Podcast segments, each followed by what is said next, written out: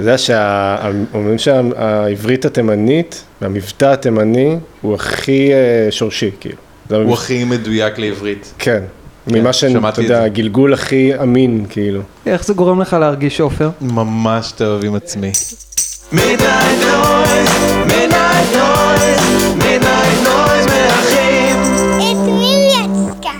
אז שלום, אז אנחנו פה שוב בסלון של אה, עופר ביימל, בפרק, אה, ברוכים הבאים למעוני. בפרק חדש של Midnight Noise מארחים. הרעיון של הפודקאסט, למי שלא מכיר, זה שאני ועופר הקמנו להקה בזמן, ה, בזמן הסגר הראשון, הקלטנו אלבום, הוא עכשיו במיקסים, ובגלל שאין איך להופיע, אמרנו איך נקדם את, ה, את הלהקה שלנו, ואז אמרנו, אה, בוא נעשה פודקאסט שבו אנחנו מראיינים מוזיקאים אחרים על המוזיקה שלהם, ולא מדברים על המוזיקה שלנו בכלל, וזה מה שאנחנו עושים. אה, אז אנחנו יושבים פה עם אה, אדון ניר יצקן, שבוא תספר לנו טיפה על עצמך, למי שלא מכיר. אה, השאלה הכי קלה, אני יודע. כן. על מה אתה מנגן, ניר? אני פסנתרן וקלידן, ומפיק גם בשנים האחרונות, ומעבד, ומתזמר. ו- מת- אתה מתזמר? עושה מוזיקה, כן. יש לך השכלה אה, מאיזשהו יש מוסד, כאילו? השכלה- כן, אני בוגר האקדמיה למוזיקה ומחול בירושלים, בגבעת רם. גם גם אני, עופר ביימל. באמת? כן. מתי סיימת שם? ב-2008, ותיקי. כן. אה, אני- אני סיימתי ב-2015, הלימודים שלי התפצלו. אני התחלתי ישר אחרי הצבא, עשיתי שנה, ואז עברתי לחו"ל שנה וחצי, ואז חז- כשחזרתי, אז כאילו השלמתי את העניין. בדיוק אותו סיפור. רק שאני לא הייתי בחו"ל באמצע, לי היה סיפור- משבר אקז- אקזיסטנציאלי באמצע. אז אז זה סיפור אחר לגמרי. לא, אבל של הפיצול לפחות, כאילו. הבנתי. אני לא למדתי באקדמיה אה, למוזיקה. נכון. יש לי סיפור אגב ממש מצחיק לרגע. אה, למדתי שם תופים בשנה הראשונה, ואז עברתי להלחנה לרב-תחומי, מה שאני מניח שאתה עשית. כן. ובשלב שלמדתי תופים בשנה הראשונה, הם תקעו את החדרי תופים במרתפים של, ה... של הבניין. זה עדיין היה ככה אצל... אצלך? היה, כן, היה שם כמה מערכות תופים. אז כן. איפה שהיינו מתאמנים זה היה ארכיון ופשוט האפסנאות של, של כל המוסד, והיו שם זרוקים כאילו דיפלומות. תעודות? תעודות סיום לסיום תואר, ואחד מהם היה סיום אה, במסלול מחול. עכשיו הבאתי את זה פשוט לחבר שלי כמתנה, זייפתי את החתימה של הדיקן ושל ראש החוג. ופשוט יש לו עכשיו תלוי בדירה, שהוא בוגר במחול. לפרק הזה של הפודקאסט קוראים עופר הולך לכלא באשמת הונאה אקדמאית. עונה אקדמית. אז אמרת שסיימת ב-2015 ולמדת ברב-תחומי, כן. ואיך זה היה? אה, זה היה אחלה. הוא היה אה, תובעני ודורשני כמו שאני אוהב. אה, יצא לי להכיר שם אנשים ממש מגניבים.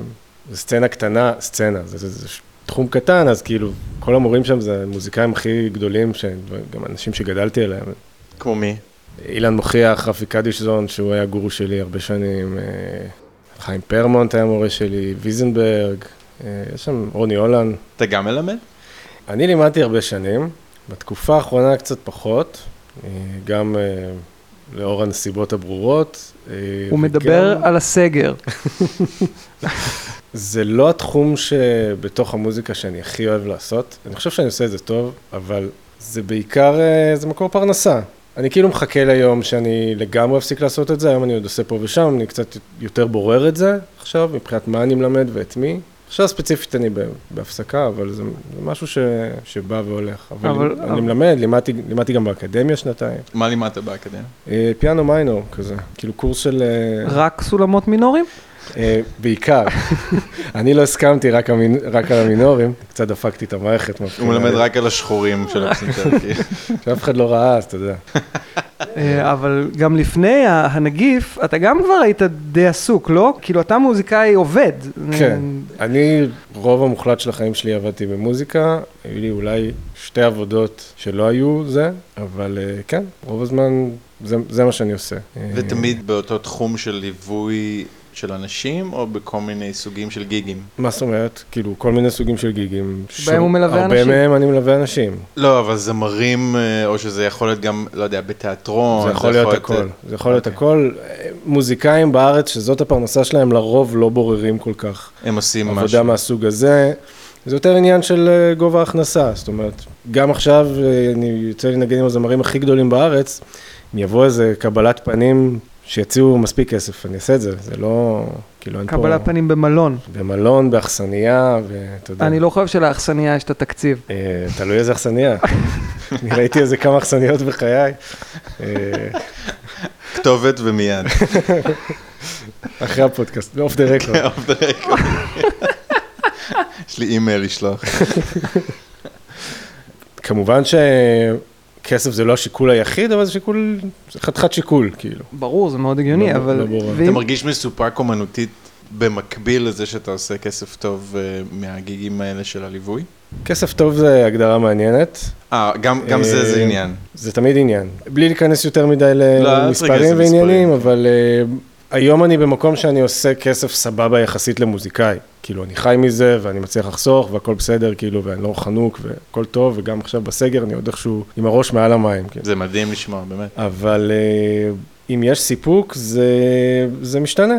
זה קצת כמו להיות נשוי למקצוע שלך. יש ימים שזה וואו, שאתה עושה את זה כי אתה אוהב את זה וזה. ויש דברים שלא תמיד, אה, אתה לא תמיד עושה את זה מתוך איזשהו פשן או זה, אז אתה עושה כי צריך לעשות. אני לא מכיר מוזיקאי שכל הדברים שהוא עושה בתחום הזה שלו, פרנסה ממוזיקה, זה נטו דברים שהוא מאמין בהם ואוהב אותם. כן, זה נדיר. אם אם זה קיים, זה נדיר. קצת צריך לעמוד, ללמוד לעבוד עם זה. אני לא אגיד שזה קל, אני לא צריך לספר לכם שמוזיקאים אוכלים פה לא מעט חרא.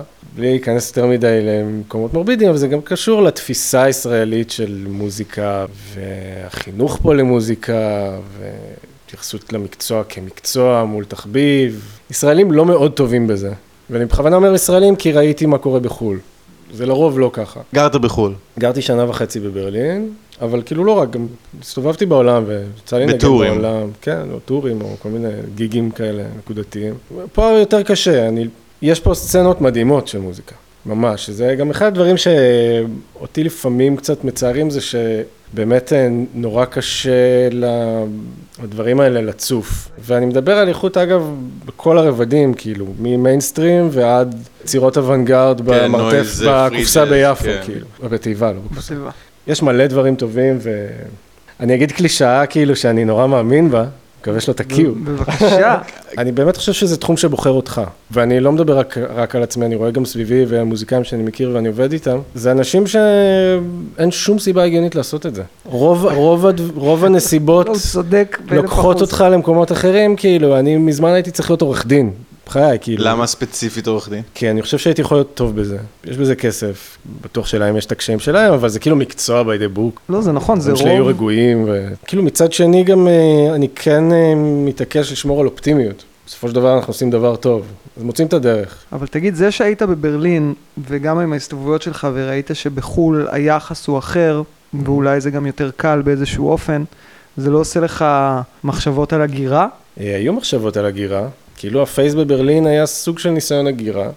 ומה מה גרם לך לחזור, אם יותר לי לשאול? אה, מה שגרם לי לחזור זה שברלין ספציפית לא, לא התאימה לי. כאילו לא ראיתי את עצמי משתקע שם. למה? כי זה עיר שהיא אה, עיר מדהימה, נתחיל מזה. טונות של אנשים, טונות של אומנים, טונות של פלצים. טונות של פלאצים לגמרי.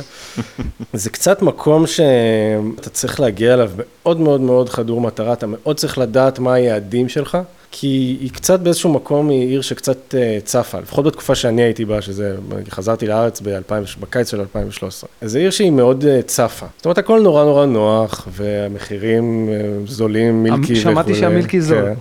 כן. וסמים טובים ובזול, כאילו.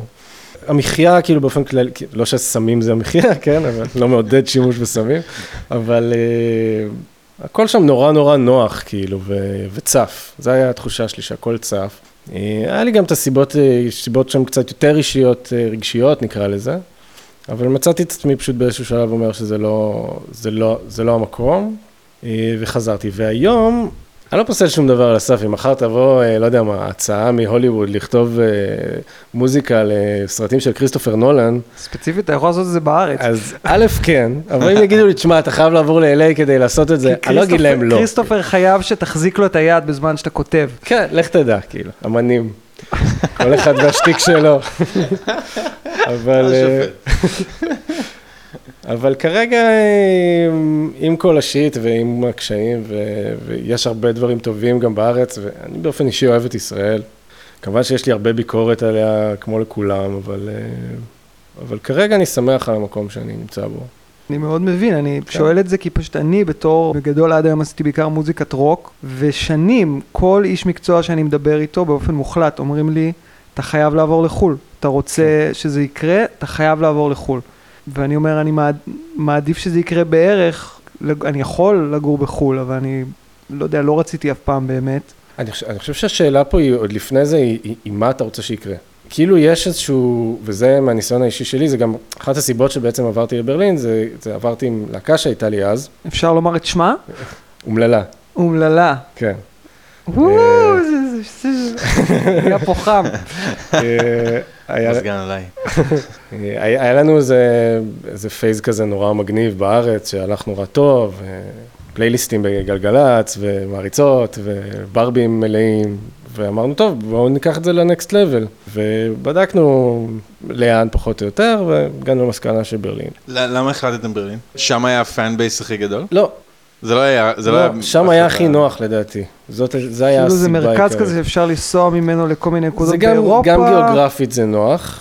אה, גם היה לנו. מחשבות גם על לונדון, אבל לונדון הייתה, גם עכשיו, כאילו, לונדון יקרה והרבה יותר קשה גם מבחינת כמות המוזיקאים שחיים בה, כאילו רק בלונדון יש כמות לא, לא הגיונית של מוזיקאים טובים, כאילו. אה, בטח קל לעשות שם פודקאסט. ברלין לא הרבה יותר קלה מהבחינה הזאת, אבל זה חצי מכמות האנשים ויותר זול. זה היה קשור גם. כאילו, המנהל שלנו באותה תקופה, היו, היו כל מיני שיקולים שבסופו של דבר, אני לא יודע אם הם היו נכונים, כי לא הצלחנו כל כך לפרוץ את התקרת זכוכית שהצבנו לעצמנו. אני חושב שאחת הסיבות הייתה, וזה מחזיר אותי לשאלה, שאני לא חושב שבכלל ידענו מה אנחנו, לאן אנחנו מכוונים. זאת אומרת, כששאלו אותנו למה אנחנו עוברים לברלין, הסיבה הייתה כי אנחנו רוצים לפרוץ, אבל מה זה אומר? אף אחד לא ישב ואמר מה- מה mission statement. כן, היה איזה כל מיני דברים שרוצים להופיע שם, להופיע שם, ו- ואיזה בלוג פה, ואיזה ביקורת כאן, ורעיון לעיתון, ודר שפיגל, ודר שטירמר, וכל מיני כאלה. אבל לא הייתה מטרה ברורה, ואנחנו גם קצת היינו ילדים, כאילו. לפעמים נראה לי שעדיף לכבוש את השוק הישראלי, ודרך זה אולי לשלוח זרועות לחו"ל, כמו שהאמנים עשו מפה, לא יודע, אסף אבידן, או אפילו אביב גפן עשה את זה, כאילו. אז זה נראה לי הרבה יותר יעיל מכל הבחינות. מאשר עכשיו לנסוע לחו"ל, לאיזה מקום שעוד 5,000 כמוך נסעו רק השבוע, ולנסות לפרוץ שם, ואני עושה מירכאות עם האצבעות של, שוב, מה זה הלפרוץ הזה, כאילו, מה, מה זה אומר בכלל? כל בן אדם יכול להגדיר את זה אחרת. כן. כאילו כל הכעס לשם. אבל רגע, אתם הגעתם לדר שפיגל? אני חושב שהגענו לאיזה מגזין של דר שפיגל או משהו כזה, אני לא, לא לתת זוכר. מגזין, כאילו? איזה- לאיזה מה, אני לא זוכר. זה נחשב still counts. לא יודע, לא יודע, אני באמת לא זוכר. יש, יש כל מיני shit, כאילו, שווה לגג- לגגל, כאילו. לא, לא, אני לא- אני לא הולך לגגל את זה עכשיו. אה, כן, אני יכול, אני אעשה. המאזינים מוזמנים. אני אעשה את זה. היה איזה כמה עניינים, אה, הופענו קצת באזור, היה איזה קצת שווייץ, קצת... אה, באיזה שכונה כן. הייתה אז הכי מגניבה ב- בברלין? אני חושב שזה היה ימיה הראשונים של ודינג כ- כשכונה, אה, כן. ודינג אני זוכר לא שוודינג התחילה לקרות, נויקלן קרתה כבר וקרויצברג קרתה כבר. אני אישית נורא אהבתי את שונברג, אני גרתי גם בשונברג. שונברג זה הפתח תקווה של אה, ברלין. להפך, שונברג זה הצפון הישן של... אה, המתופף הקודם של להקת לפט, רועי חן המלך, שזה היה השם שלו בתעודת זהות, הוא עבר לגור בברלין גם, אוקיי. ו- ויום אחד אני מדבר איתו בטלפון, אני אומר לו, מה העניינים, מה אתה עושה? הוא אומר לי, אחי, אני בפתח תקווה של ברלין. ואז אני אומר לו, מה, אתה בשונברג? הוא עושה לי, איך? fucking ידעת. אמרתי לו, כי זה פתח תקווה של לא, אני ברלין. אגיד לך, העניין עם, הרובע הזה, כן, זה לא שכונה, זה הכל רובעים נכון. שם. קודם כל, שונברג יש לו כבודו במקומו בגלל התרומה שלו לקהילת הגייז, כאילו. אה, זה היה אחד, אני לא יודע אם היום גם, אבל זה היה אחד ממרכזי הגייז הגדולים של, בתקופה שעוד זה היה קצת מסוכן להיות. למרות שזה מערב העיר, אבל נחשב מערב העיר, אבל בתקופה שזה היה קצת אה, לא מגניב, במרכאות. אה, זה כאילו, אני בכוונה אומר הצפון הישן, כי יש שם משהו שהוא קצת יותר בורגנות כזה, אבל רמה קצת יותר גבוהה. אני, אני מוכן לשקול את מה שאתה אומר על שונברג. כן, זה כזה משפחות ושילדים ופארקים וכאלה, אבל... פתח תקווה, אני אני לא אני לא מבין. לא, אין לי שום... פתח תקווה הרבה פעמים... אין לי אבל שום- איפה הערסים, איפה הזקנות, איפה בני. עקיבא? אני רק חייב לציין, אין לי שום דבר נגד פתח תקווה. כן, אנחנו, מקודם בוא נעשה שנייה פאוזה, אתה אמרת שאתה מנגן עם אה, שמות הכי גדולים, אבל בוא תגיד לנו איזה שמות. אז אני, אה, אוקיי, אז אה, אני מנגן עם עומר אדם, כבר למעלה משנתיים. עכשיו לא כל כך מנגנים, כי... כאילו, כאילו מנגנים. אין- אין הופעות עם עומר אדם עכשיו, גם לא... עומר אה, אדם לא היה עושה הופעות מול לא. 20 איש. לא, היה עכשיו, לפני ש... בין הסגרים אני כן, מתכוון, בין, היו בטח... בין הסגרים. בין הסגרים. זה מעולה. וואו, בין הסגרים זה... אה, עשו בחדרה, ממש על הארובות שם, אז יש שם איזה אמפי כזה, עשו מזה אמפי. אמפי שמשתעלים בו כל הזמן. רגע, מה? יש אמפי בארובות? זה, ממש למרגלות הארובות, באמת? זה נשמע לי כן. מאוד לא בריא. זה מאוד יפה. אה, אני לא, בריאות, אתה יודע, לא, לא, לא למדתי רפואה אתה אומר. אנשים גרים בבת גלים כבר 30 שנה, כן, בריאות לא- זה לא נאמבר 1. אני לא מבין בזה. אני יודע להגיד לך מה יפה בעיניי. אה, יופי זה סובייקטיבי. אז היה כמה הופעות כזה בקפסולות, אה, שזה היה נורא מוזר, אבל זה קרה. איך זה נראה הופעה בקפסולה ש- באמפי? זה מוזר קצת. זה מוזר קצת, כי במיוחד הופעות של עומר, זה הופעות שהקהל כאילו עף באוויר כמו קפצונים. ופה אסור היה, כאילו זה, יושבים בקפסולות, ממש בקבוצות של, לא יודע, 15-20 איש, משהו כזה. והם לא קופצים. אסור להם לקום. אסור להם לקום מהכיסא. אבל איך אפשר? אסור לקום, ועומר לאורך כל ההופעה אומר להם, חבר'ה, לא לקום, כאילו, חבר'ה, אנחנו לשבת! נרקוד פלא גוף עליון. זה נורא מוזר. במיוחד בהופעה של עומר. כאילו, זה... חבר'ה. לשבת. זה. אה, רק כפיים. כן. כמה הופעות כאלה היו, היה עכשיו שלוש הופעות. שבשבילו זה זה נחשב כלום. בתקופות יפות אנחנו יכולים, אה, כן. שלוש הופעות בחודש אחד, זה, זה לא נחשב. זה אפילו לא שמינית לדעתי. אז אתה מנגן איתו, עם מי עוד אתה מנגן? אה, אז עכשיו, אה, כל התקופה של הקורונה גם נהיה קצת, אה, כל השוק הזה קצת נהיה בלאגן, אז מצאתי את עצמי גם עם משה פרץ, עשיתי כמה הופעות עכשיו, גם ממש נחמד, חמוד משה, לאללה. לא הכרתי אותו לפני זה באופן אישי, כאילו, אבל הפתיע אותי לטובה. פה פשוט יצא לי עם עדן להחליף, עשיתי איתם איזה פרויקט גם, דברים קצת יותר טכניים גם, ויצא לי קצת עם ג'ירפות לנגן, קצת לפני עומר, ו... ג'ירפות אבל זה... איך זה קוראים? לוי. הייתי מחליף שלו, ו... בואנה, זה השמנה והסלטה. אה, לגבי השמנה, לא יודע, לגבי אבל הסלטה. הסלטה, סלטה, בוודאות. סלטה, לא יודע מה זה אומר. הסלטה, הסלטה, הסלטה זה מה שהקהל עושה בזמן ההופעות של עומר. כן. אבל הסלטה אסור נראה- לו. נראה לי, הש- נראה לי זה הסלט, לא? זה הסלט, השמן זה- והסלט. ש- כן? אה, השמנה אוקיי. והסלטה, זה לא, לא- ארמית. זה לא משמנת? עכשיו שכולנו יצאנו אבלים. ממש. שנייה, אני אגגל את זה. אה, אז אז היה כמה, עכשיו בתקופת הסגר היה כמה הופעות טלוויזיה עם עומר. היה בסדר, בסגר הקודם היה בטלוויזיה. היה הופעה מהחצר שלו, כאילו, והיה גם אה, יום עצמאות, היה, זה, היה special, כאילו. היה ו- livestream? livestream יום עצמאות? היה, כן, היה בנמל חיפה. האמת שהיה יפה. איפה שהסולו אה, מתרחש, איפה ש... כנראה איפה שהסולו היה, כן. כן, הסולו היה ב- בנמל. בנמל חיפה. הסולו אני, אני יודע השני. שהנינג'ה אה, מצלמים שם עכשיו. באמת? במקרה אני נכון, רואה עכשיו את העונה נכון. הנוכחית. נכון, נכון. נכון. שזה. מגניב לאללה, אגב. הלכת לנגן בנינג'ה? אה, עוד לא. לעשות ליווי בזמן לא, שהם עושים זה- את הקפיצות? זה יכול להיות נחמד. זה, אני לא אגיד לא לגיג מהסוג הזה. בוא נגיד את זה ככה. נינג'ה ישראל, הקו פתוח. כן. כאילו, זה, הד... אני חושב שהדילמה העיקרית שלי פה זה איך אני מגדיר את התקופה הזאת, כי האם זו תקופה טובה או תקופה רעה. היא גם וגם. גם וגם, כן, היא גם וגם, זה גם אבל ת- קיצוני גם וגם. זאת אומרת, זה גם ממש ממש רע, וגם ממש, קרו לי דברים מדהימים, מה קרה לך מדהים? מצאתי אהבה. כן? כן. או, אבל- כתוצאה מהקורונה? זה קשה להגיד כתוצאה, אבל זה קרה, כן, זה כאילו השתלשלות אירועים שזה לגמרי הוביל אליה. ניר, האם אתה תשתף אותנו בסיפור הזה? אה, אני אשמח, כן. לא, אהבה זה, טוב. אני מאוד סקרן. אה, חבר מאוד טוב שלי, אה, הוא, יש לו חברה מאוד טובה. והם... זה עובד ככה לפעמים. כן. והם גם חלקו דירה עכשיו בתקופה, לא משנה, והם החליטו שהם מכירים לי את האחות של החברה. והחליטו שהם עושים מהלך, כאילו, זה היה מהלך של שניהם. אז זה אחות שלה, של אחות שלה, החברה. כן, כן.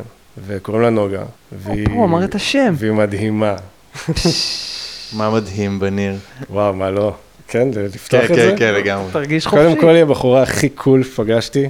אה, סיטואציות שאני בעצמי הייתי מוצא את עצמי אה, יוצא מדעתי, היא הכי cool והיא היא משאירה אותי cool בתוך הסיטואציה, שזה הדבר המדהים פה באמת. היא חכמה ויפה ואינטליגנטית והכל, כל הסופרלטיבים הברורים, אבל שני דברים הכי חשובים, וזה טיפ למי שמחפש אהבה, מסקנה שאני הגעתי אליה של מה אני מחפש, זה שא', אני במערכת יחסים מונוגמית ועדיין מרגיש חופשי, שזה לא דבר מובן לי מאליו בכלל, הייתי שנתיים רווק ושאלוהים ישמור. אה, הדבר השני זה שהיא מביאה לפרונט צד שלי באישיות, שאני מאוד מאוד אוהב, שהיה מבליח כל הזמן. היה מתנצל אה, להראות עצמו. הוא לא היה מתנצל להראות לעצמו, כמו שלא תמיד הייתה לי גישה אליו, לא הצלחתי להביא אותו לפרונט. ועכשיו הוא כל הזמן בפרונט. ואתה אוהב את הצד הזה. אני מת על הצד הזה. אז אה, כל הסיפור זה פחות מחצי שנה. אז כן, זה מאוד, זה מה- זה מהסגר כן, מהסגר כן. הראשון. ועכשיו, יותר מזה, החלטנו שאנחנו עושים את הסגר ביחד. עכשיו, זה לא מובן, כי אנחנו עדיין לא גרים ביחד, אבל זה, היו קצת חששות ועניינים, ווואלה, זה עובד מדהים. אנחנו סגורים בבית כבר שבועיים, ו... כן, הסגר הזה זה או, מקרב זוגות או מפרק זוגות, זה, כן. זה שתי האופציות. וזה רק דבר אחד מדהים שקרה לי. אני מוצא את עצמי משקיע זמן בדברים שכבר שנים אני רוצה לעשות. מה? אה, למשל, עכשיו אני עובד מאוד חזק על, גם על חומרים שלי וגם על אה, חידוד אה, יכולות המיקס שלי. רגע, רגע, אתה עובד על חומרים של ניר יצקן, אלבום כן. ניר יצקן? אה, לא יודע אם אלבום, אבל כרגע יש כזה, כן, יש איזה כמה קטעים, לא יודע אם זה אלבום או EP, מה שנקרא. אה, אני פשוט שואל, כאילו, כי, כי למיטב ידיעתי, אתה לא הוצאת אף פעם שום דבר תחת אה, השם שלך. אה, לא באופן רשמי, יש כל מיני SoundCloud וכאלה, שכל מיני... שזה שקבורים- סקיצות שהעלית? או סקיצות או experiment ים או דברים שכאילו אני עומד מאחוריהם, אבל לא, אף פעם לא, זה לא היה labeled או... למרות שאומללה זה מוזיקה שלך גם. כן, כן, אומללה זה... לא היית נגן באומללה. לא, אומללה זה, זה, זה משהו אחר, כאילו, זה גם נורא ישן, זה מלפני עשור, תכף יש... לא, אני, אני מתכוון שזה כן לאלבום. מוזיקה, אני מתכוון שזה כן מוזיקה שכאילו היה לך חלק בה, זה אתה כן, לא... כן, היה לי חלק. אבל לא הוצאת שום דבר. ניר יצקן, אה, לא. חלומות בהקיץ וסיפורים מהמגירה. אה, אתה מוזמן להשתמש בשם הזה. כן, כן. נוטד, מה שנקרא. אה, כן, זה היה, אני, אני יוצר כל הזמן, אף פעם זה לא השתחרר ברמה של, אה, באופן רשמי. זה תמיד נזרק לרשת, ומי שהגיע לזה, יגיע לזה. וזה. זה מגרד לך להוציא את זה, או שפשוט אתה מרגיש שזה יותר, אה, יותר מתאים להוצאה? אם, אם מגרד לי להוציא דברים שלי, כאילו... השאלה, אני, אני אחדד, כן. אני פשוט, החלק שאני הכי אוהב בלעשות מוזיקה זה להקליט אותה ולכתוב אותה. אני גם נהנה מהופעות, מכל הדבר שמסביב, אבל זה החלק שאני מרגיש בו הכי נוכח. כאילו עכשיו אני ועופר סיימנו לעבוד על אלבום, ואני מאוד רוצה להוציא אותו כי אני חושב שהוא טוב, אבל בגדול את, ה, את הסיפוק שלי קיבלתי מ, מליצור אותו. כלומר, אם עכשיו הוא ייגנז מאיזושהי סיבה, אני כן. לא... אני לא אבכה מזה, כאילו, זה- אני זה- כן. אז זהו, אני- זאת אומרת, אני מרגיש ש- the cycle is not complete. אני חושב שיש? אה, יש כמה סוגים של סיפוק בדרך הזאת. הסיפוק מהיצירה, מן הסתם, כאילו, אם הוא לא קיים אז אל תעשה את זה, אבל אתה יודע. אני חושב שיש גם סיפוק בלהוציא את זה החוצה. זה כמו להגיד מה אתה חושב. אתה יכול לחשוב דברים נורא נכונים ואתה תהיה, או אתה תסכים עם עצמך והכל טוב ויפה ועברת תהליכים מחשבתיים ועשית טריפים והגעת לתובנות בתוך התודעה שלך והכל טוב ויפה, אבל בוא גם נוציא את זה החוצה, בוא נתקשר עם עוד אנשים, בוא... אז אני חושב שזה זה- די דומה, כאילו. וגם זה, הפעולה הזאת יכולה ליצור שינויים בתפיסה שלך, של כן. המציאות, כאילו עצם ההוצאה והקבלה של הפידבק מבחוץ. אה, כאילו. כן, ויש פה, יש פה גם דברים שהם אה, יותר אה, פשוטים מזה, כמו לקבל הכרה, אה, לקבל הכרה זהו, אני, חיובית. אה, אני עכשיו הוצאתי אלבום עם להקת לפט, כן, ממש לפני... שמעתי שבוע. אותו. מה. פה. מה חשבת? כן, האמת שאהבתי אותו מאוד. יש שם סאונד פגז. תודה, איזה כיף. אה, אה, אז מה שרציתי לומר זה שהאלבום הזה הוקלט לפני חמש שנים. אשכרה. ואז קרו לי כל מיני דברים בחיים, והוא הוא באמת כמעט נגנז. גם אני כמעט עזבתי את עסקי המוזיקה מכל מיני סיבות שאין טעם להיכנס אליהם. והרבה אנשים, זה מה שהם אמרו לי, אמרו לי, מה, אתה לא רוצה להוציא את האלבום? באמת, בתוך הלב אמרתי, אני מאושר מהאלבום, אני, אני גאה בו כמו שלא הייתי גאה במשהו שיצרתי בחיים, ואני אהיה גאה בו בין אם מישהו ישמע אותו ובין אם לא, כאילו, ככה, ככה אני בתוך עצמי, אבל... ואני להוציא אותו, אני דווקא מרגיש תמיד שזה כאילו... אני מאוד דוד, אתה לא יודע את זה עליי, יש לי שתי אחייניות ואני מאוד דוד, זה קצת כמו כזה לשלוח את הילד שלך לבית ספר ולקוות שיהיו נחמדים אליו. ו- וזה משהו שגורם לי יותר לחץ מהנאה. אה, אבל זה גם חוויה חיובית בסופו של דבר. כן, זה הכל מפחיד בתחום הזה, של יצירה. אני אגיד לך שיותר מזה, אני, אני יותר מפחד מהביקורות שלי על עצמי, אה, מאשר ביקורות מבחוץ. כי ביקורות מבחוץ, אני כבר בן 31 היום, ירדו עליי בחיים, התמודדתי עם דברים, כאילו, אוקיי, אז יהיו דברים יותר נעימים ופחות נעימים, אבל אני יודע, יודע לעבוד עם זה, כאילו. וביקורת עצמית זה משהו שהוא הוא יכול לעצור אצלי תהליך של יצירה, אתה מבין? ברור. וזה זה עוד יותר מפחיד. אני מס, מסכים מאוד, כאילו הטריק זה פשוט, פשוט לעבוד, ולא לתת לראש כן. להיכנס, כי ברגע שאתה מתחיל לחשוב מה זה ולמה זה, זה, זה נהיה באמת... אני גם חושב ש, ששוב, אני חוזר לעניין הזה של, ה, של המטרות. אני חושב שברגע שאתה מציב לעצמך מטרות שהן יעילות, אני אפילו לא אומר ריאליות, תחלום הכי רחוק, אבל יעיל. מה המטרה שלך? אתה רוצה להגיע ל... לא יודע, מקום ראשון בבילבורד. אז זו מטרה שיש בה איזושהי יעילות, כאילו, היא, היא תתרום לך היא בתור מאוד זמר. ברורה, כי... כן, היא, היא תנציח אותך, היא תביא... תכניס לך כסף, תכניס לך כסף, תגרום לאנשים, לעוד יוצרים טובים לרצות לעבוד איתך, כאילו, יש, יש פה משהו הגיוני. כאילו. אה, מאוד מעניין. שמע, כשאתה עובד על, על אלבום של אה, ניר יצקן, או איפי של ניר יצקן, כשאתה עובד לבד, אתה, אתה עושה הכל לבד, או שאתה חושב, אני אביא מישהו פה אה, להביא תופים, אני אביא... אה, ומה כאילו- ה vibe? הוא אלקטרוני? הוא שירי, אה, אקוסטי? לא, אתה שר? הוא לא שירי, אני לא שר. יהיה איזה כמה ניסיונות, אבל אני לא כל כך אוהב את זה. ה vibe הוא יותר, כאילו אלקטרוני, אה, יש שימושים באמצעים אלקטרוניים, כאילו יש סינתסייזרים ויש סינתסייזר מודולריים גם, ויש כל מיני shit. הוא אמר Like. סינתסייזר מודולרי, בטון שהוא Like. רוצה שישאלו אותו על סינתסייזר מודולרי. איפה אה, הכבלים מחוברים? לא, לאו דווקא, זה, זה תחום שגם יחסית אני התעסקתי בו ממש קצת בעבר, בתקופת האקדמיה. בשביל אנשים שמקשיבים והם בורים, ולא בשבילי בכלל, כי אני מבין על מה מדובר, מה זה סינתסייזר מודולרי? אה, אוקיי, וואו. זה סינתסייזר. שאני אגיד, אני אגיד בקצרה, השאלה. השאלה, אני מרגיש שאפשר לעצור פה. השאלה היותר חשובה פה, זה ניר הפוליטיקאי עכשיו, השאלה היותר חשובה, מה שצריך לשאול, זה למה אתה שואל? זה למה זה סינתסייזר. זה, לא, זה מה זה סינתסייזר, כי מודולרי, כולם יודעים מה זה מודולרי. כל מי שיש לו רהיט של איקאה בבית, יודע מה זה מודולרי, שאפשר לפרק אותו ולהרכיב אותו איך שרוצים. סינתסייזר זה אמצעי ליצירת סאונד סינתטי, שהוא לא אקוסטי. גיטרה, למשל, אה, גיטרה אקוסטית לצורך העניין, זה כלי אקוסטי, זה עשוי, עשוי מעץ, זה, אם מחר תהיה הפסקת חשמל בכל העיר, זה עדיין ימשיך לנגן. סינתסייזר זה כלי מבוסס חשמל. הסינתסייזר מורכב כשמישהו הולך אה, לחנות, קונה סינתסייזר, אז הוא קונה, למשל, לא יודע מה, ג'ונו, אוקיי? זה סינתסייזר קלאסי למי שלא מכיר, זה אחד מאבות המזון של התחום. אז הג'ונו הוא, הוא, הוא מחווט כמו שהוא מחווט, הוא מולחם, ויש לך את האוסילטור שלו ואת הפילטרים שלו, וזה הצבע שלו וזה האופי שלו. אתה לא יכול לשנות, אתה יכול לקחת את זה למעבדה ולשנות את זה, אבל כבר שינית את הכלי. כל העולם של סינתזה מודולרית זה עובד לפי מודולים קטנים, שלכל מודול יש תפקיד אחר, כש, כשאתה מחבר ביניהם, אתה יוצר בעצם סינתסייזר שהוא מה שאתה החלטת שהוא יהיה. אז אתה יכול להחליט שיהיה לו 17 אוסילטורים. כן, אתה יכול להחליט לו שיהיה לו 17 אוסילטורים, אתה יכול להחליט שיהיה לו אוסילטור אחד ו-17 פילטרים, אתה יכול לקחת LFO, כאילו, אתה בונה את זה, זה תחום... אה, זה תחום מרתק. זה תחום מרתק, הוא מאוד מאוד רחב, זה תחום שהוא ממכר מאוד, ממש, ואני כאילו... מש- משער שגם זול. אה, הוא יחסית זול. אתה צוחק, אבל הוא כאילו, יח... ספציפית היורו-רק הזה הוא יחסית זול. שוב, זה תלוי מה, אתה, מה המטרה שלך, מה הצרכים שלך. אתה יכול להוציא דברים מדהימים מש- משלושה מודולים קטנים, כאילו, או משניים אפילו. ואתה יכול, אה, יש אנשים שיש להם קירות שלמים של הדברים האלה ב- באולפנים שלהם או בבתים. אז באמת תחום שהוא הוא נורא נורא מאפשר חופש. אחד הדברים שאני אוהב בו זה שיש בו את ה- ההיבט הרנדומלי שם הוא מאוד מאוד חזק. כן, זה מה שכיף לי שם. פשוט כמו ילד ב- ב- כן, זה מין בחנות ממתקים כזה, הוא מעניין מה הטעם של זה. כן, לגמרי. תרגום של מעניין מה מה זה יעשה. אני כאילו. יותר, אני פעם אה, אה, שמעתי אה, הרצאה בנושא של יחזקאל רז, ומי שלא מכיר, אני מציע להכיר. והוא הגדיר את זה מאוד יפה, הוא, הוא התייחס ל... הוא מדבר שם על איזה מודול אה, נקרא או-קוסט, והוא מדבר על, על זה שזה ממש כמו חיה.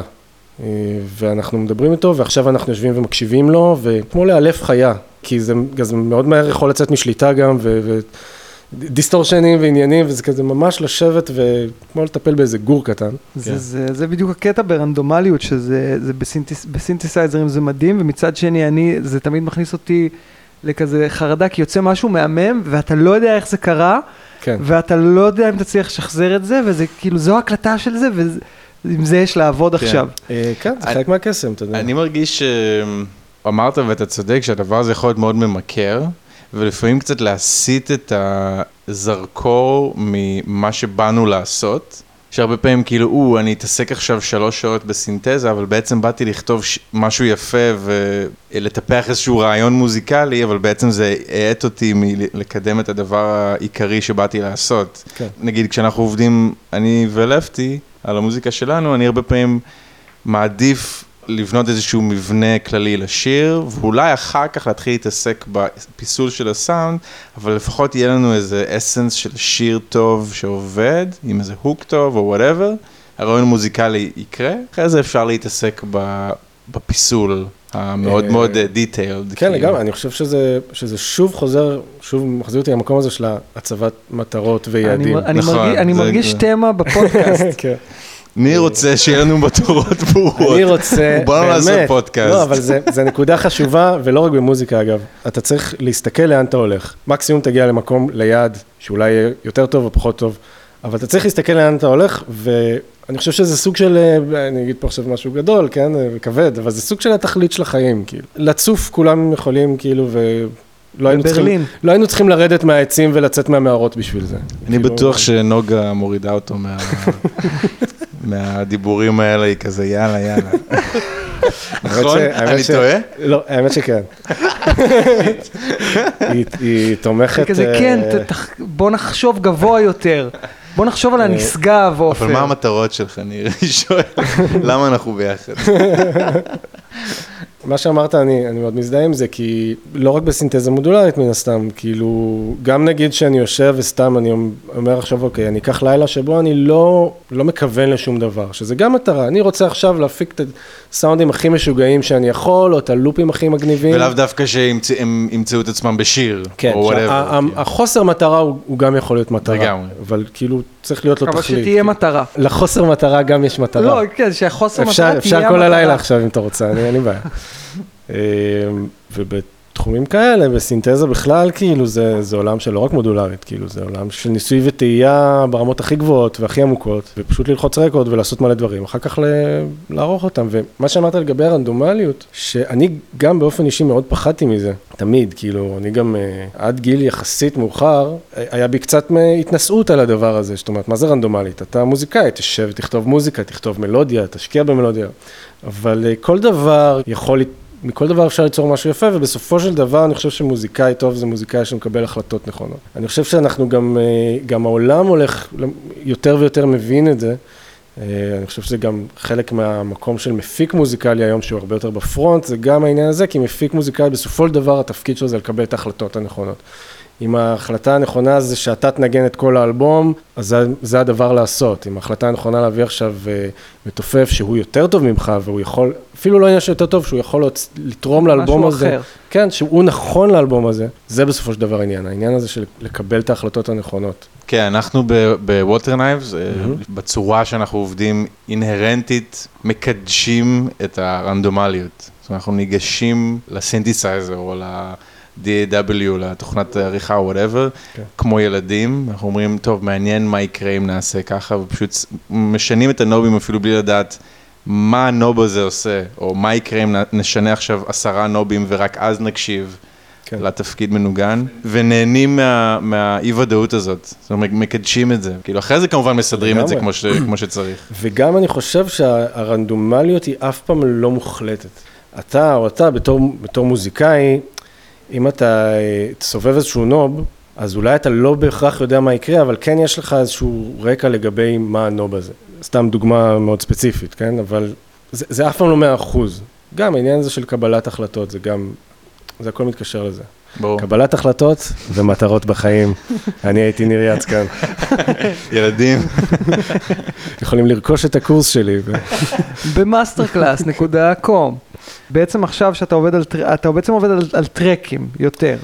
על אה, מסעות, כן. אה, על sonic voyages. משהו כזה. לא החלטת על איזושהי עטיפה לשירים שאתה עובד עליהם עכשיו. לא, אבל אני עובד כאילו בכמה מישורים, יש את ה-EP הזה באמת, ויש, אה, אני עובד עכשיו על אה, כאילו כל מיני אקספרימנטים קצת יותר סימפוניים דווקא, קצת אולי גם מוזיקה סינמטית, וזה זה כאילו פועל בכמה ערוצים, זה גם תמיד, זה בעיה שלי, ואני מאמין של הרבה מוזיקאים, העניין הזה של להתמקד, כאילו באמת למצוא את המטרות ולהתמקד לפיהם. למצוא את המטרות. כן, אבל כן, כאילו אין לזה, אין לזה הגדרה ברורה, כן יש איזשהו קו אומנותי שהופך את זה למין יחידה אחת. אני לא חושב שתשמעו את זה במסיבות, בוא נגיד את זה ככה. זה לא רקיד. זה לא עכשיו קיק פור on the floor של כל ה-IP, אה, לא שזה רע, אבל זה, זה לא הסגנון. אני חולה טכנו אגב, גם אני. אני אני משוגע לא. על טכנו.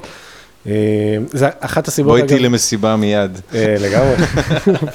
העיר מלאה, מלאה מסיבות. בכל אה, פינת רחוב, יש כן. יאמרו. לא, אבל אני, אני נורא אוהב מסיבות ומסיבות טכנו, וגם לשמחתי בארץ יש די-ג'אים מדהימים. מה עם נוגה? היא אוהבת מסיבות. כן. היא יודעת לרקוד גם. ידעת לי. אז אתה אומר שבמוזיקה שלך זה- זה לא הדיבור הזה, זה זה לא יותר אמורפי. כאילו, זה כן מאוד מושפע מזה, אבל זה... נשמע לכם את זה כשיהיה... כן, עכשיו נשמע קטע של ניר, ה-AP הקרב. אלף סנטר ייגש. אה, ושאלת באמת על נגנים ועוד אנשים שיקחו חלק, אז ייקחו עוד אנשים חלק. אה, שוב, העניין הזה של מה נכון ליצירה, אה, והגעתי למסקנה שבכל מיני אספקטים, אז כן צריך להביא אנשים, למשל. שמע, אם אתה צריך אה, תופים האמת ש- אלקטרונים, אז להקת מידנייט נויז מציעה את תומכת שירותיה. ביצירה מקומית. כן, אז כרגע ינגן שם אה, אה, נדב גיימן, שהוא אה, הוא פרקשניסט על חלל, אה, בלשון המעטה. yeah baby. את המיקס אני כנראה- אעשה עם אה, יובל גורן, מי שמכיר, יוג. אה, בטח. כן, כן, בטח. די.ג'יי מאוד מוצלח, גם היה איתי באומללה, הוא היה בסיסט של אומללה. הוא עדיין בסיסט, או שהוא אה, עכשיו, למיקס אה, engineer. הוא- הוא לא, הוא- האמת שהוא עושה את המוזיקה שלו כזה, יש לו לייבל גם. איזה לייבל יש לו? פרלקס, כן. מה זה הלייבל הזה? זה טכנו כזה, טכנו. טכנו למת- למתקדמים, כן. יש שם דברים מאוד יפים. זה נשמע כאילו זה לא מתאים למה שניר הולך להוציא. עמדתי להגיד שזה אה, מתאים, אבל אז נזכרתי שזה לא טכנו. לא. לא, זה לא, זה מאוד מושפע מטכנו. הסיבה שאני רוצה שיובל ימקסס את זה, זה כי אמ, אני נורא אוהב את ה... אני חושב שכן מבחינת עולם הסאונד, זה כן משם. אמ, אנחנו נעשה את זה ביחד גם. יש לך רפרנס למה המוזיקה שלך דומה? ממה אתה מושפע? כאילו? ספציפית זה. ספציפית ספציפית נגיד ה-EP הרליס הזה הנ"ל. שאתה מתכנן. אני יכול אה, להקפיץ עכשיו איזה כמה שמות. סתם איזה כמה name דרופים, זה אה, מעניין. בוא נגיד אה, אנדי שטוט, אה, זה יכול להזכיר, ג'ון הופקינס. וואו, אני כל. כך אוהב את ג'ון כן, הופקינס. ג'ון הופקינס עושה... אה, נילס פרם. זה באמת כזה אלקטרו-אקוסטי. אה, אהבתי. שאמר- אהבתי שאמרת ברור, כאילו אתה מכיר את המוזיקה שלו, כזה ברור שזה... לא, הוא כזה חולש על- על על שטח מאוד רחב. נילס. ג'ו- נילס פרם כן. אה, אני יכול להגיד לך שיש לי הרבה ביקורת, אחד הדברים שאני הכי אוהב בלאהוב אותו, זה שיש לי המון ביקורת עליו. אני כל הזמן מוצא את אה, עצמי. בו- זמנית אתה אני מעריך ומבקר אותו. כמו כן. מדינת ישראל. האמת שכן, זה זה השוואה יפה, כאילו, אה, אני מת לשבת איתו לבירה כדי להטיח בפניו כל מיני דברים, וכדי לקבל פידבק וכדי ש... מעניין, מה- היית מטיח בו? דמיין שעופר, הוא-הוא, נילס פרם. מה שאני מוצא את עצמי כל הזמן אומר, כשאני מקשיב למוזיקה שלו, וואו, גם אני יכולתי לכתוב את זה. עכשיו, זו הסיבה שלא רציתי להיכנס לזה, זה משפט מאוד יומרני. להגיד על בן אדם שהוא, יש לו קבלות, כאילו, והוא באמת מוזיקאי מדהים. לפעמים נדמה לי שאני שומע משהו שלו וזה נורא יפה, ואני מרגיש שאפשר היה להוציא מזה יותר. זה בגדול. זה לא היה כזה קשה, זה לא היה אמירה כזאת קשה. אפשר גם להיכנס לשאלה הפילוסופית הזאת, כי זה בגדול שאלה פילוסופית, כי בכל שלב של מוזיקאי שכתב משהו, הוא שמע משהו אחרי זה ואמר, היי, גם אני יכולתי לעשות את זה. והאמת הייתה לנו את השיחה הזאת עם אה, שוזין, והוא אמר בצדק, אבל אתה לא עשית את זה, אתה תעשה משהו אחר. נכון. אתה מבין, הוא עשה את זה, כן. ואתה שומע את זה כרגע. אה, כן. אתה מבין? לא, זה שונה. אתה, זה נכון, אבל זה כאילו מנקודה טיפה אחרת. אה, אז תחדד. אני יכול להגיד לך שלמשל, נגיד אחד האלבומים גם, שאלת על השפעות, נגיד סופיאן סטיבנס, הרבה מכירים אותו בתור איזה מין, אה, יש לו שירים כזה, פולקים כאלה נורא נורא יפים, וכזה קצת כלי קשת וזה. Swan, כן, Swan. אבל, אבל לסופיאן סטיבנס יש אלבום שנקרא Age of Adz, שזה לגמרי ב top five שלי כבר שנים, מאז שהוא יצא, שזה לדעתי עשור בערך. וזה אלבום שאני כל הזמן אומר לעצמי באמת, למה אני לא כתבתי אותו, וזה כזה, אתה לא כתבת אותו, אתה תעשה משהו אחר. הרי לכל, לכל אמן יש את הנקודה שבה הוא מחליט שזה סוף היצירה. אתה צריך, אתה צריך לקבל את ההחלטה הזאת, כי אחרת זה יכול אני להימשך מוכן. לשחרר את זה. כן, ולפעמים לי זה מרגיש כאילו זה קרה חודש מוקדם מדי, כאילו, אצלו. הבנתי, אה, יש את האמירה הזאת ש, שאומנות זה יותר לאומנות אה, אה, מצוירת, אבל זה לדעתי רלוונטי למוזיקה באותה צורה, ששום אומנות לא גומרים אותה, היא תמיד כאילו ננטשת. כי אומרים- אומרים את זה על כתיבה, אומרים את זה על מיקסים, אני שזה נאמר הכי הרבה עליהם. אני חושב שספציפית בהקשר שלו, אבל יש משהו שהוא קצת חס... לא יודע אם חסר אדג', אבל כאילו, לא, זה, זה מעניין, זה גם הבדלה מאוד נכונה, זאת אומרת, אתה רק אומר, אני לא באמת מתכוון לזה שאני רוצה לכתוב את המוזיקה הזאת, אבל מרגיש לי שאתה יכולת למצות את הפוטנציאל של הרעיון המוזיקלי הזה יותר. כן, כן. ואני אומר את זה, וזה, וזה מגיע לרמה שאתה לא נהנה מהמוזיקה, אתה לא. עדיין נהנה. אני עדיין נהנה. אני אומר את זה ממקום מאוד חיובי. שוב, אני, הסיבה שאני זז באי נוחות בכיסא, כי אני לא אוהב לעשות את זה, כי, כי הוא באמת הוא אמן דגול ומי אני, כאילו, מי שמי, מה שנקרא.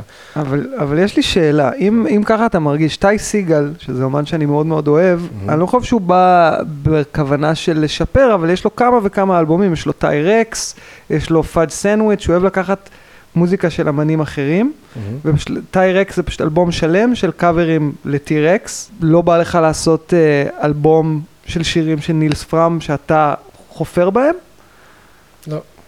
אתה אומר, זה נשאר ברמת הבא לי להגיד לו את זה בפרצוף. בא לי, זה כן, זה אפילו לא, שוב, זה, זה לא להגיד לו את זה, בפ- זה, אני לא רוצה להטיח. אני רוצה אתה לשבת מקודם ולדבר אמרת איתו. להטיח. אני, אולי.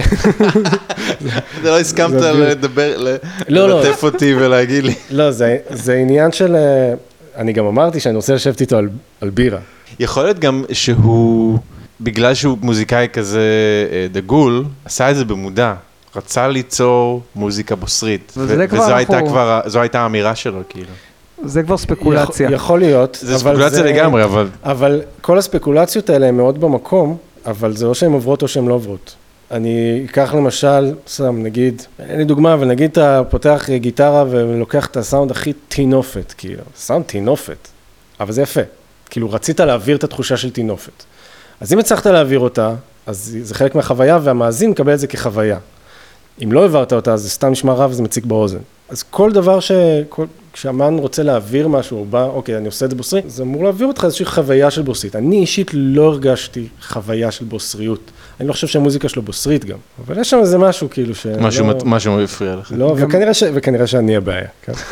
זה חד משמעי. לא, גם ספציפית מה שאתה מדבר עליו, שאתה מדבר על גיטרה שנשמעת חרבנה, כן. אז זה דברים שהתחילו, אתה יודע, ב-70's, וזה דברים שקרו סוג של בטעות, והיום זה מצחיק, כי היום- סטנדרט, כאילו. זה לא רק שהם סטנדרט, יש... כן, כי הכנסת אותם שברו לקונטקסט איזה המתאים. מגבר, שברו איזה מגבר וזה עשה איזה חרחור ואמרו יאללה בוא fucking נקליט את זה והיום כן. אנשים קונים פדלים באלפי דולרים כדי לנסות לדמות את הסאונד ההוא שבגדול יצא בטעות. נכון, אבל זה, זה- אבל זה בדיוק, זה עניין של קונטקסט. וקונטקסט זה אולי... וטיימינג. שהטיימינג מש- משרת את הקונטקסט. אני חושב שבאומנות בכלל הקונטקסט זה אולי בין השלושה הכי חשובים, כאילו, קטונתי, אבל... אה, מטרות, קונטקסט, תזמון. buy now for 29.99. רציתי רק להגיד לך שגם יש סיכוי שעוד חמש שנים אתה תשמע את אותה מוזיקה של נירס פארם, חד משמעית. ואתה תגיד, I get it. יש סיכוי שזה יקרה כבר מחר זהו, בבוקר, כאילו. כאילו, יש לא, סיכוי שהשיחה הזאת עכשיו, חמש שנים, פרקתי קצת דברים. מהסיסטם, מחר בבוקר אני אקום, נגיד, "Hmm, סתם, זו תופעה מעניינת בח- בצריכת אה, מוזיקה כזאת, כן. שעוד תוך תקופה מסוימת אתה פתאום, אוקיי, אני מבין את זה, אני מבין את זה פחות, אני לא יודע, מלא דברים יכולים לקרות, כאילו כן. אנחנו כזה כן, אנחנו... מתעדים רגע ב- בחיים שלך, נגיד, מול נילס פראם, נגיד, במרכאות. זה מעניין, כאילו, אתה לא יכול לדעת כן. מה תחשוב עוד חמש שנים על המוזיקה הזאת, שעכשיו אתה חושב שהיא בוסרית ופתאום... חד משמעית. נכון, זה אה, ככה גם אה, בצפייה לך ש- בסרטים.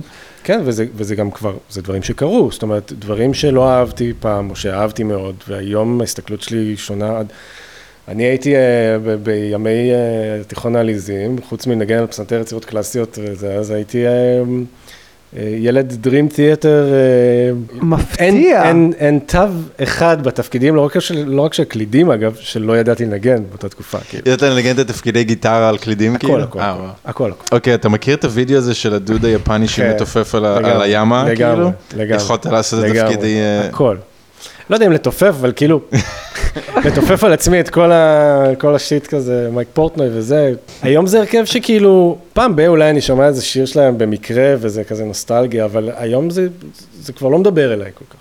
איך קראו להרכב הזה של... אה, אה, שהוא היה כזה במקביל אליהם, משהו Experiment? Liquid Tension Experiment. אה, היה לי גם אגב, פאזה אה, כזאת. נחשפתי אליהם לפני Dream Theater. הם. כאילו, דרכם הגעתי, כן.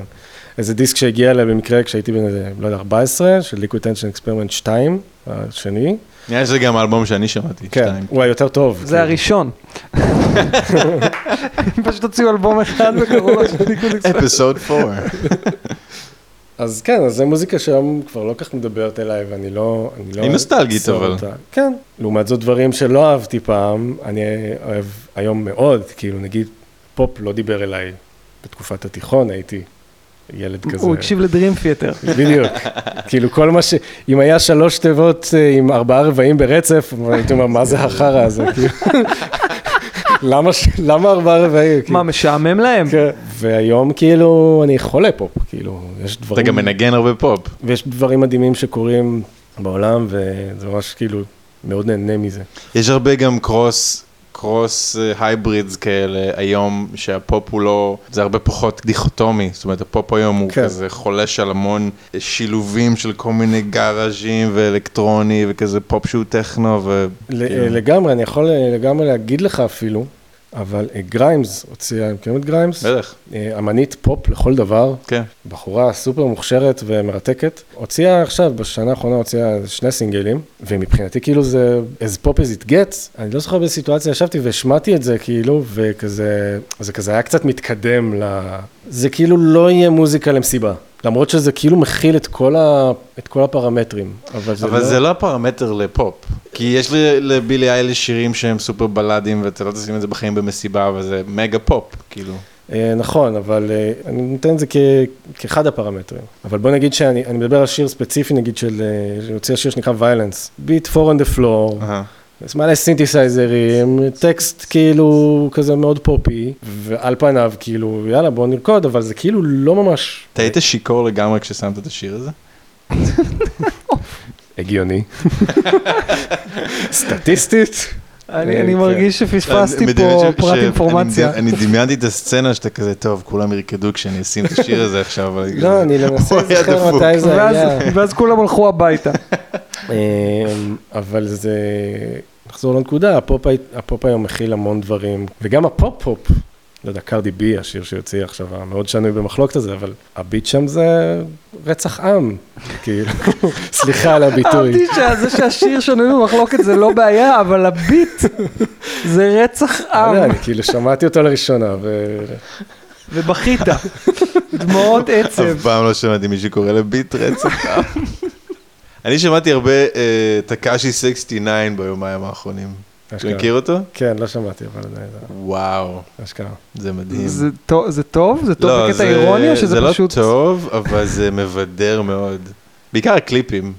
אה, עכשיו יש לי סתם, זה סתם מסקרן אותי, כי אתה בעצם נראה לי מופיע בסיטואציות שאני, אתה יודע, אני הופעתי באינדי נגב מול 5,000 איש פעמיים, והופעתי כמה פעמים בחו"ל מול קהל יחסית גדול, ובדרך כלל הופעות שלי זה כזה 50 עד 200 איש, אני נדיב. איך, איך זה משנה לך את הפרספקטיבה לעמוד כאילו ערב ערב מול, אני לא יודע כמה אנשים באים להופעות כאלה גדולות של אמפי. אני יכול להגיד לך שזה משנה.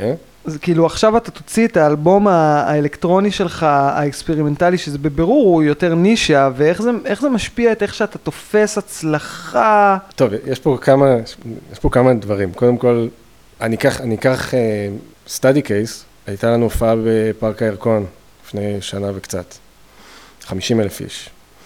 זו סיטואציה שהיא אה, משנה אותך והיא אפילו טיפה מקהה אותך מהבחינה הזאת של עמידה מול קהל. אני כל החיים עומד מול קהל ותמיד יש את ההתרגשות הזאת, אבל 50 אלף איש זה אתה, עד השיר השלישי אתה בהתקף חרדה מוחלט, ואז פתאום אתה מוצא את עצמך אומר כאילו, טוב, אה, בוא, באתי לעבוד, כאילו, אתה עושה איזה ניתוק שאתה כאילו בעל כורחך חייב לעשות אותו, אה, והניתוק הזה נשאר איתך, כאילו, אני מרגיש, מרגיש שזה נשאר איתי, כאילו, אה, עכשיו... מה זה אומר נשאר איתי? נשאר איתי שאני, זה עוד יותר, עוד יותר, אה, אני לא רוצה להגיד שיש פחות התרגשות, אבל כן, יש, יש פחות אתה התרגשות אתה מקהל. מתרגל. כאילו, אתה מצר על זה? לא, להפך. אני אוהב להיות על במה גם, גם עם הקהות. אה, להפך, זה באיזשהו מקום נותן לך יותר אה, חופש. זה כאילו לא הופעה שלי, אבל אתה כן רוצה קצת להתחבר לקהל, לראות מה העניינים, לראות מי יושב שם, באיזה שיר הם רוקדים, כאילו, קצת, מתי יש זרימה, כל מיני כאלה, כי זה, זה בסופו של דבר זה מערכת יחסים אנרגטית, כאילו, קהל ובמה. אז אתה קצת יותר נוכח, קצת יותר יכול לספוג את החיבור הזה. אני לא מצר על זה. אני כן יכול להגיד שספציפית בעבודה עם עומר הייתי בסיטואציות שלאו דווקא מבחינת כמות קהל, מבחינת סוג ההופעה, שהן סיטואציות כאילו של גרילה. כי באמת, זה, זה הופעות מכל הסוגים. אתה אומר 200 איש, היה לנו הופעה מול 20 איש. זה כאילו באמת כל הספקטרום של הופעות. מה שאיזה אוליגרך מביא אותך ליאכטה שלו? אה, אתה אמרת אוליגרך, אבל... אני לא, סליחה, אני אבל מתנצל. אה, על יאכטה עוד לא יצא לי לנגן, אבל כאילו, כן, אירועים מכל הסוגים, וגם אנשים מכל הסוגים. זאת אומרת, אתה לא רואה רק עכשיו אנשים באמת שהם אה, השמנה והסלטה, אה, כדבריך, אבל אה, אז אתה גם מוצא את עצמך בסיטואציות של הופעות פריצה כאלה באירועים, שאתה צריך להידחס בתוך הקהל, לעלות, להתחבר, וכאילו, ולי יש עמדה, טפו טפו, כאילו, שיש יש מה לחבר. יש לו אחוש שרמוט העמדה, עופר. אני לא יודע אם מותר לנו לדבר על העמדה. אסור אה, לנו. אה, כל מי שהיה בהופעה של עומר ראה את העמדה הזאת. יש עמדת מחשב, כאילו. אני מאמין שרוב מי שמקשיב לפודקאסט הזה, אני מאמין, לא היה באופן... תתפלא, תתפלא, וזה אני אגיד, זה משהו שמאוד הפתיע אותי לטובה, אגב, אה, כשנכנסתי לכל העניין הזה, שהקהל של עומר ספציפית הוא מאוד מאוד מגוון. אני מניח שבתחילת הדרך שלו זה היה דברים, באמת יותר קהל שהוא אה, צרכן של מוזיקה מזרחית וכאלה, אבל היום עומר זה סוג של פיוז'ן של כל מה שהפופ הישראלי מכיל, פחות או יותר. וככה גם הקהל שלו. אז כן, יש עדיין את האלה שהם באים לצרוך את המוזיקה המזרחית, וגם יש קצת שירי דיכאון, ויש, אבל גם יש שירים כמו אה, פעם בחיים ושני משוגעים, שזה ממש כאילו פופ by definition, שהוא, שאתה ממש רואה את הקהל שזה מה שמשך אותו. ולכן אני חושב שיש סיכוי לא רע שמי שהאזין לפודקאסט הזה, אז יהיה חלק לא מבוטל שהיו בהופעות של עומר. גם הרבה אנשים מסתכלים על זה כחוויה, זה גם משהו שקלטתי. לאו דווקא אפילו באים כי הם מכירים את השירים, או כזה, כי הולכים להופעה, כי זה באמת, אובייקטיבית, המסיבה הכי טובה בעיר. כאילו, זה הרמות, ועומר עצמו הוא כאילו... שמעתי שאנשים קופצים באוויר. כמו מה עם קפצונים. הקפסולות? אולי עכשיו קצת פחות, אבל אה, בוא נגיד בימים היפים זה, זה באמת כאילו, קרחנה, גם עומר הוא בן אדם לא הגיוני, כאילו, לא יודע אם יצא לכם לראות, אבל זה כמויות אנרגיה וכריזמה וכל מה, ש, כל מה שצריך כדי להחזיק את פארק הירקון עם 50 אלף איש ושאנשים יעופו באוויר. אתה יודע אם הוא עבד על זה, או שזה בא לו באופן טבעי, או שהוא כזה... שאלה טובה, אני חושב שיש שם משהו מאוד מאוד טבעי. הרי הוא אה, התפרסם ב- בכוכב נולד שהוא היה בן 16, שהוא העמיד פנים שהוא בן 18, וכבר אז היה לו, הוא היה favorite בעונה שלו, והוא... לא זוכר את הסיפור בדיוק, אבל... אה, לא, אני רק מנסה לומר שמי, כאילו, כבר כשהוא היה ממש נער, אז זה היה מאוד ברור כן. ש- שיש לו את האנרגיה הזאת. כן, האנרגיה, אה, האמת שאני לא עקבתי אחריו באותה תקופה, אני חייב להודות. אני כן זוכר אותו כזמר מאוד טוב, אני גם לימים ראיתי שוב את הדברים מאז, כאילו, אבל זה משהו נורא טבעי אצלו, ואני אני גם חושב שזה חלק מהקסם שלו, האותנטיות הזאת. הוא מאוד מאוד מדבר עם הקהל בגובה העיניים. אני יודע שכאילו בתקשורת מאוד אוהבים להציג את זה כאילו בעצמו איזה אוליגרך, אבל לפחות ממה שאני חוויתי גם ברמה המקצועית וגם ברמה האישית, מן הסתם מדובר בבן אדם שהוא אה, במרכאות דיבה בעל כורחו, כי זה לא בן אדם שיכול ללכת ברחוב, כאילו עכשיו כמוני כמוך. אני בעצמי הייתי בסיטואציה שניסינו ללכת ברחוב ועטים עליו אנשים מכל, מכל כיוון. אז כאילו באיזשהו מקום כן יש את המקום הזה שזה קצת מבודד נקרא לזה, אבל באסנס שלו הוא בן אדם שמאוד אה, בגובה העיניים. יכולים להיות עשרת אלפים איש בקהל וזה כאילו כמו שיחה כזה. שאנחנו מדברים עכשיו, כאילו באיזשהו מקום. אה, וזה מתבטא גם בהגשה של השירים, כי אני חושב שזה מאוד טבעי. אם הוא עבד על זה, יכול להיות שהוא עבד על זה, וזה הביא את זה לרמה יכול להיות בוא גם היה תהליך לא. טבעי של הגדילה שלו כאמן. זה אה, בטוח. סיפור כזה. בטוח, ואני גם, גנרי. וגם יש מצב שהוא ראה שזה מה שעובד לו טוב, אז הוא גם לקח את זה עוד יותר לשם.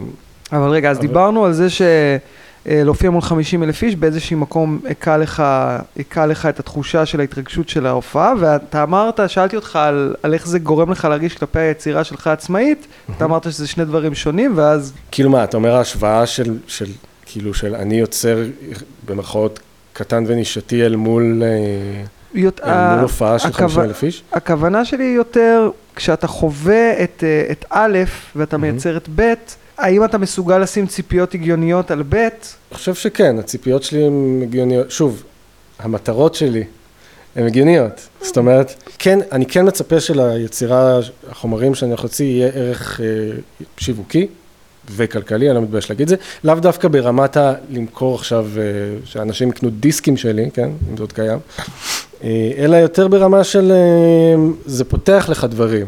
המקצוע הזה, אני לא צריך להסביר לכם, זה עובד על המון שיתופי פעולה ועל המון אה, מקריות והזדמנויות שבאות והולכות. אז ככל שאתה מייצר יותר תוכן, הדברים האלה יותר קורים. אז זה לחלוטין אחת המטרות, של להתקדם שיווקית ומקצועית. אה, אני לא רואה את עצמי מול 50 אלף איש בפארק הירקון עם החומרים שלי, כי אני גם לא מכוון לשם. אני לא חושב שזה חומרים שמתאימים ל-50 אלף איש. כאילו, זה יהיה נורא מוזר, גם אם מחר תגיד לי, סגרתי לך את פארק הירקון 50 אלף איש. אני לא בטוח ארצה את זה. האמת שזה מצחיק, כי אני הייתי פעם בהופעה של The Kills בסן פרנסיסקו, זה לא היה 50 אלף איש, זה היה אבל נראה לי 10,000 איש. וההופעת חימום זה היה קצת כזה מוזיקה אלקטרונית נורא אמביאנט, כן. ו- וזה היה בן אדם אחד כזה על מחשב ואני כל כך ריחמתי עליו, כן. כי הוא היה נראה כל כך אבוד, אני יכול להגיד לך ש... ומי שם אותו שם, איזה החלטה, זה כאילו, זה לא יפה. לגמרי, אני, אני אגיד לך יותר מזה. היה פעם אה, פרויקט של אה, תום יורק עם אה, נייג'ל, אה, כן. אה, Atoms for Peace. כן, בדיוק. אחלה, אחלה שיט. אחלה שיט, וממש, ואני גם רדיואט זה ממש מקום חם בלב, כאילו, הכל טוב. כשגרתי בברלין, אז הם באו לעשות, אה, באו רק שניהם ועשו הופעה בברגיין. וזה היה הופעה, ואחר כך אה, די.ג'יי סט של תום יורק. על פניו, ערב שכאילו, מי יפספס דבר כזה. ואז אה, הלכנו לשם, אני וחברתי דאז, ופשוט היה ערב לא טוב, ולא כי המוזיקה לא הייתה טובה, כי משהו ב... כאילו אמרו טוב, תום יורק ונייג'ל, אז כאילו אי אפשר לשים את זה עכשיו באיזה... אם יעשו את זה, זה יהיה מגה בוטיק, זה כן, יהיה כזה 200 לעשות- יורו כרטיס. כן, אי אפשר לעשות 50 כרטיס. בדיוק, כאילו זה אמנם לא היה אצטדיון, זה היה ברגן שאתה ברחבה הגדולה, מי שמכיר, אז אתה יכול לדחוף שם איזה, לא יודע, 2,000-3,000 איש, כאילו, דחוסים כזה, זה מה שהיה פחות או יותר. וזה פשוט ערב רע. זה פשוט לא התאים ל- ל- ויותר לגודל מזה, הזה. הדי-ג'יי סט שלו אחר כך היה עוד יותר רע. עכשיו, הוא ניגן דברים יפים. אני עמדתי שם, וכאילו מצאתי את עצמי עומד בברגן ומקשיב. עכשיו, מי שמכיר את הברגן, שזה אחד מסמלי תרבות, ה... תרבות הלילה של אירופה, זה לא מקום שאתה עומד ומקשיב, כאילו, אולי אתה נדלק ואז נכנס לאיזה חוויה עם עצמך, אבל זה מקום ל... וכל הס... הסט כאילו לא עבד. אני חושב שזו דוגמה דומה למה שאתה... שוב, העניין הזה של הקונטקסט. ילדים, מי ששומע את זה, קונטקסט, קונטקסט, קונטקסט. כל דבר בקונטקסט הנכון לא עובד. אני מסכים איתך אלף דבר. אחוז, אלף אחוז, ניר יצקן. יהיה לך, יהיה לך שם כזה די.ג'יי מגניב כזה, או שאתה תהיה ניר אה, יצקן? לא, לא. נהיה ניר יצקן, אולי, אה, אולי יצק, שזה, כולם קוראים לי יצק, אבל... יצק. כן, הרבה קוראים לי יצק. אני מכיר אותו בתור יצק. יצק או יצקן, זה כן. הדי.ג'י אבל- ידוע ב-1933 ברומניה. בגטו.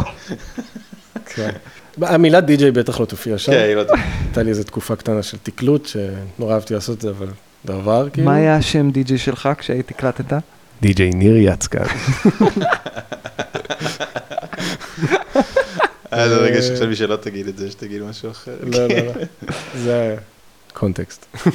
קונטקסט. אם הצליחו לעשות קומדיות על השואה, סימן שאני צודק. אני חושב שאף אחד פה בלהקת Midnight Noise לא לא חלק עליך, אני חושב כן. שיש פה הסכמה מלאה. די.ג'יי ניר יצקן סוגר לכם את הפודקאסט. ניר יצקן, די.ג'יי ניר יצקן, עכשיו סוגר את הפודקאסט. אז באמת תודה רבה. בשבוע הבא אנחנו... אה, שבוע הבא יקרה משהו. יקרה משהו, כן. אנחנו די מאלתרים פה, בגדול. אבל אה, אני- אני בינתיים מרוצה, איך אתה מרגיש, עופר? מדהים. זה היה ממש מעניין. יאללה, תודה. היה לי מעניין אה, איתכם גם, היה כיף. יאללה, מעולה. אז ביי. Midnight